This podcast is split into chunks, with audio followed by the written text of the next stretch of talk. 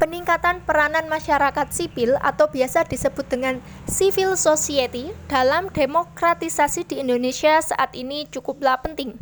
Seperti dalam Undang-Undang Nomor 17 Tahun 2007 yang mana menyatakan tentang rancangan pembangunan jangka panjang atau biasa disebut dan disingkat dengan RPJP nasional.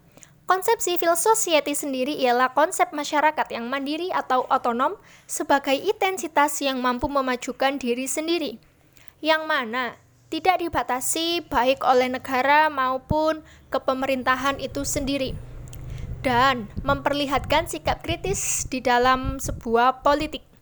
Civil society sendiri tergantung dengan bagaimana demokrasi di negara tersebut. Semakin bagus demokrasi yang diterapkan dalam suatu negara, maka semakin bagus pula peluang bagi civil society-nya. Dan dapat disimpulkan bahwasanya civil society sendiri memiliki peranan yang cukup penting sebagai pengontrol politik demokrasi di suatu negara dan sebagai pengontrol roda kepemerintahan demi keberlangsungan seluruh negara.